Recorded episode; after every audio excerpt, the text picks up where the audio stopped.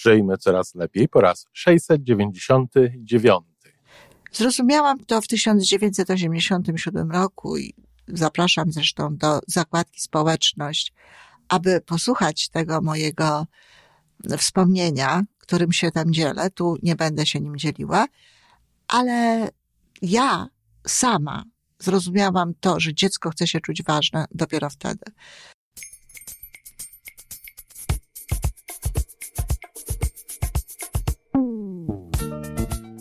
Witamy w kolejnym odcinku podcastu Żyjmy Coraz Lepiej, tworzonego przez Iwonę Majewską Opiełkę i Tomka Kniata. Podcastu z dobrymi intencjami i pozytywną energią, ale także z rzetelną wiedzą i olbrzymim doświadczeniem we wspieraniu rozwoju osobistego. Chodzi nam o to, aby ludziom żyło się coraz lepiej, aby byli coraz bardziej spełnieni, radośni i szczęśliwi. A że sposobów na spełnione życie jest tyle, ile nas, więc każdy musi znaleźć ten swój.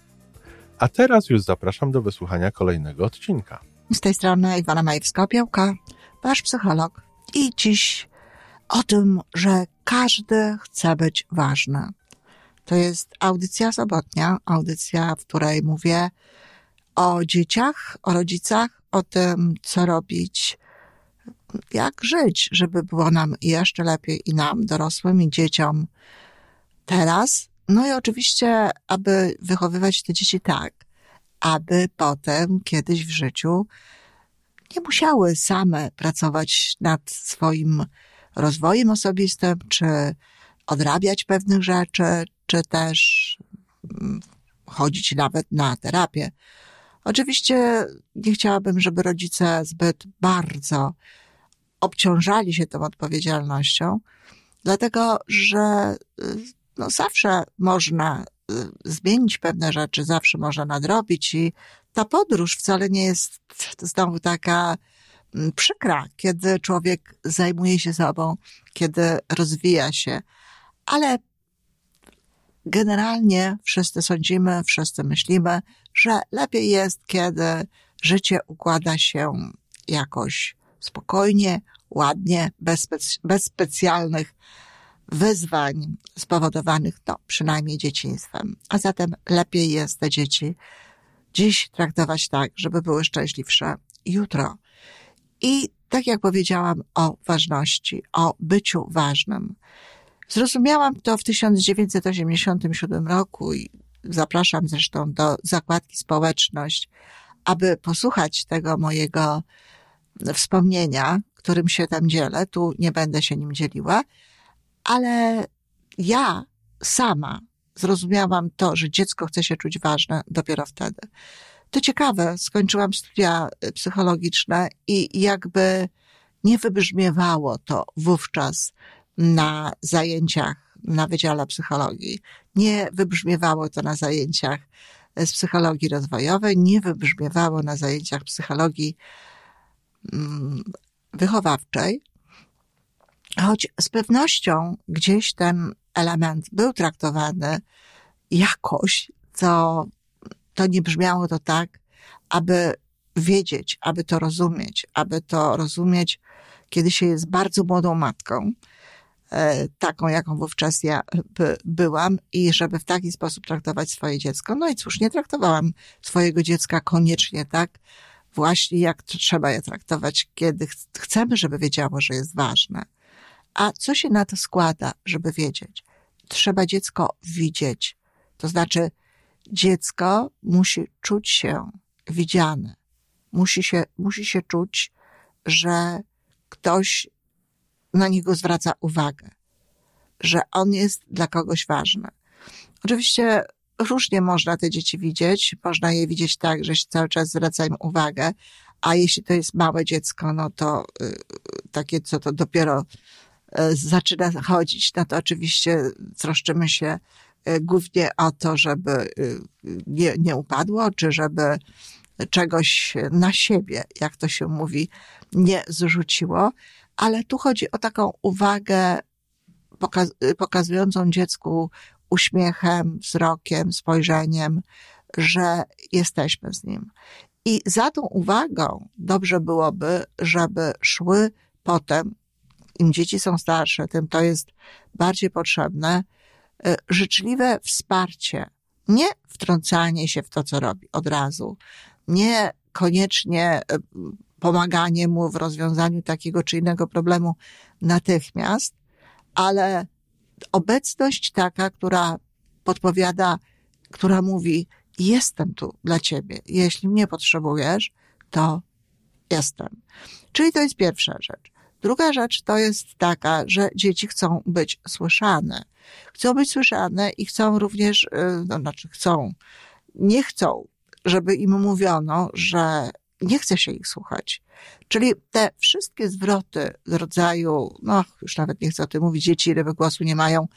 Podejrzewam, że to już jest niepopularne w Polsce i że jeśli ktoś jeszcze tego używa, no to chyba jakiś dinozaur, dlatego że generalnie rzecz biorąc w Polsce już się wie, że dzieci mają głos, ale tutaj chodzi o to, żeby dzieci wiedziały, że lubimy je słuchać, żeby wiedziały, że, że korzystamy z tego, co mówią, że uwzględniamy pewne ich potrzeby, pewne ich wypowiedzi w naszym życiu, że to i owszem jest ważne, co zrobić na obiad, żeby na przykład robić takie rzeczy na obiad, od, żeby dziecko również mogło o tym od czasu do czasu decydować, żeby to nie było tylko tak, że pytamy męża, co chce na obiad, ale pytamy dzieci i jeśli nie jest to tak, że wszyscy lubią jednakowo te różne potrawy, no to dajemy każdej z tych osób szansę na to, aby w jakimś momencie decydowała o tym, co na ten obiad ma być. Dzieci warto uwzględniać w tym, gdzie pojedziemy na wakacje. E, wyjazdy rodziców, którzy kombinują, gdzie mogą jechać na wakacje, czasem nie uwzględniając w ogóle dzieci i dziwiąc się, że te dzieci się nudzą. Ja pamiętam takich rodziców, którzy zabrali swojego siedmioletniego e, synka e, do Rzymu i byli bardzo zdziwieni, że on się tam nudził.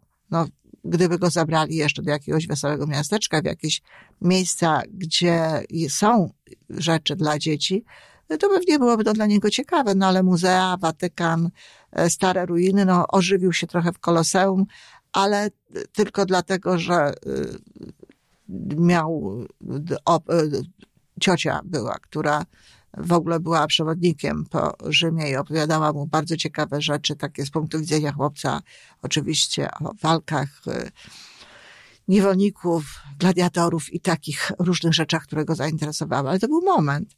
Natomiast y, no, takie dziecko, którym się zarządza, o którym się decyduje, które jest stawiane w różnego rodzaju sytuacjach, no nie może czuć się ważne. Dlatego ważne jest to, aby dziecko wiedziało, że to, co ono mówi, jest istotne. I co z tego wynika jeszcze dodatkowo? No, wynika z tego, i to jest bardzo istotny element również, że kiedy dzieci do nas mówią, no bo to jest sposób, w jaki możemy okazać im, że one są ważne i że ich słuchamy. Kiedy do nas dzieci mówią, warto skoncentrować na nich uwagę. Nawet powiedziałabym, że nie warto, tylko trzeba. I to taką niepodzielną uwagę. Jednym z takich błędów, które robiłyśmy my, młode matki, bo to nie tylko ja, tak funkcjonowałam w czasach, kiedy moje starsze dziecko było małe, na przykład przy piaskownicy, to kazałyśmy dzieciom czekać czasami, aż mamusia skończy, czy aż pani skończy, czy w, ten, w jakikolwiek inny sposób. Podobnie w domu, kiedy dzieci na przykład e, coś od nas chciały, to bardzo często musiały czekać, no nie przerywaj, mamusia teraz ogląda film, na przykład. I dzieci w takim momencie dostają informację, no, że ten film jest ważniejszy, tak? To nie znaczy, że, że trzeba dzieciom pokazywać, że zawsze, w każdej sytuacji, co tylko one chcą, to my zostawiamy wszystko i jesteśmy dla nich. Ale wtedy, kiedy dziecko przychodzi do nas z jakimś swoim małym problemem, a który dla niego jest bardzo duży, to warto pamiętać, że powołaliśmy te dzieci na świat, że na przykład jesteśmy na urlopie macierzyńskim, tacierzyńskim czy jakimś innym, e, po to, aby zajmować się tymi dziećmi i nie odmawiać im tego, za każdym razem, żeby y, słuchać je, żeby się nimi zająć. Oczywiście, że kultury również warto uczyć i dlatego już starszym dzieciom warto jest tłumaczyć, że jeśli mamusia rozmawia z kimś, czy jeżeli ma na przykład, tak jak w jednym z moich zaprzyjaźnionych domów, czapkę na głowie, to wtedy nie można jej przerywać, to wtedy tatuś jest osobą, z którą należy się kontaktować, czy jak odwrotnie, tatuś również może sobie zażyczyć, żeby kontaktować się z mamusią i takim dzieciom można to tłumaczyć i to są sytuacje wyjątkowe. Można dzieciom tłumaczyć, że grzecznie jest poczekać, aż pani skończy zdanie, aż ciocia skończy zdanie, ale to przecież nie jest tak, że to dziecko ma skończyć, aż czekać, aż my skończymy całą rozmowę. Więc tak, kultura, nieprzerywanie, nie wchodzenie w trakcie, kiedy, kiedy y, robimy coś ważnego i kiedy jesteśmy zajęci, ale generalnie dziecko powinno wiedzieć, że jest no, ważniejsze niż film e, i że jest ważniejsze niż ta pani przy piaskownicy y, i również jest ważniejsze niż ciocia, a przynajmniej, że jest jednakowo ważne. E, smutna taka scena, którą y, ja, ja ją widziałam, ale w wyniku czytania i o której nawet wspominałam. To mamusia, która wypełnia swój kalendarz, kalendarz, w którym ma różnego rodzaju cele, masz różnego rodzaju zadania do zrobienia, a dziecko koło niej bardzo chce z nią być, bardzo grzeczna dziewczynka i bardzo delikatnie zwraca się do mamusi, że ona tam jest, że chciałaby z tą mamusią większego kontaktu.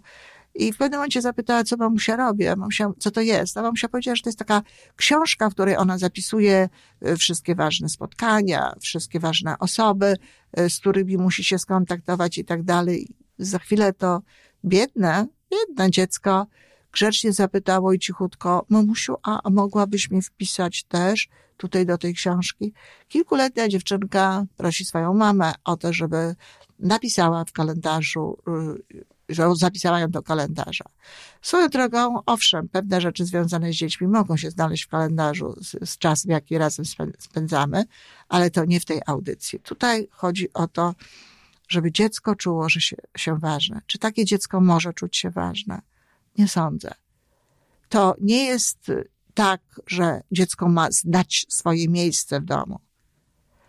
Jeśli nawet tak chcielibyśmy to ująć, to tak tak, powinno znać swoje miejsce w domu, że jest tak samo ważne jak wszystkie inne osoby.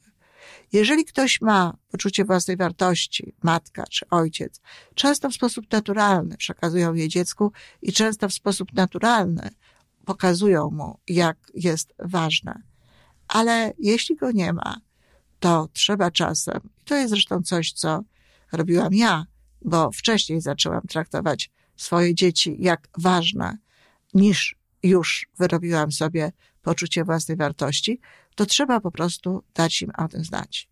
Czyli podsumowując, żeby dziecko czuło się ważne, musi czuć, że jest widziane w pozytywny sposób, oczywiście musi to odbierać, że jest słyszane i że to, co mówi, to, co robi, jest ważne, jest istotne, że ono jest tak samo ważne jak inne osoby w domu. To tyle na dzisiaj. Dziękuję bardzo. Zapraszam, kochani, do polecania naszego podcastu innym osobom i naprawdę bardzo proszę, róbcie subskrypcję kanału YouTube. Tam dzieją się ciekawe rzeczy. W, zakładce społeczność dzieją się ciekawe rzeczy, nawet w związku z tym, co tutaj dzisiaj mówię, odsyłam do tej zakładki, ale mm, ta, to jest oprócz tego, że to, że te rzeczy są ciekawe i że możecie z tego skorzystać, to naprawdę ogromnie mi zależy na tych, lajk, na tych lajkach, na tych subskrypcjach. To jest dla mnie bardzo ważne. Dlatego bardzo mocno do tego zachęcam. Dziękuję. I to wszystko na dzisiaj. Podcast Żyjmy Coraz Lepiej jest stworzony w Toronto przez Iwonę Majewską-Opiełkę i Tomka Kniata. Sześć razy w tygodniu przygotowujemy dla Was nowy, ciekawy odcinek. Jeżeli lubisz nas słuchać, to prosimy o reakcję. Polub nas, skomentuj, tak jakbyśmy sobie po prostu rozmawiali. Zapraszamy do darmowej subskrypcji. Jesteśmy dostępni na każdej platformie, gdzie można słuchać podcastów. Wystarczy nas tam poszukać.